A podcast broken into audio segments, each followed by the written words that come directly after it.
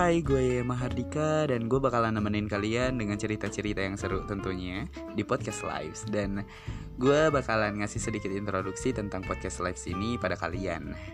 Podcast Lives ini bakalan dibagi menjadi tiga bagian.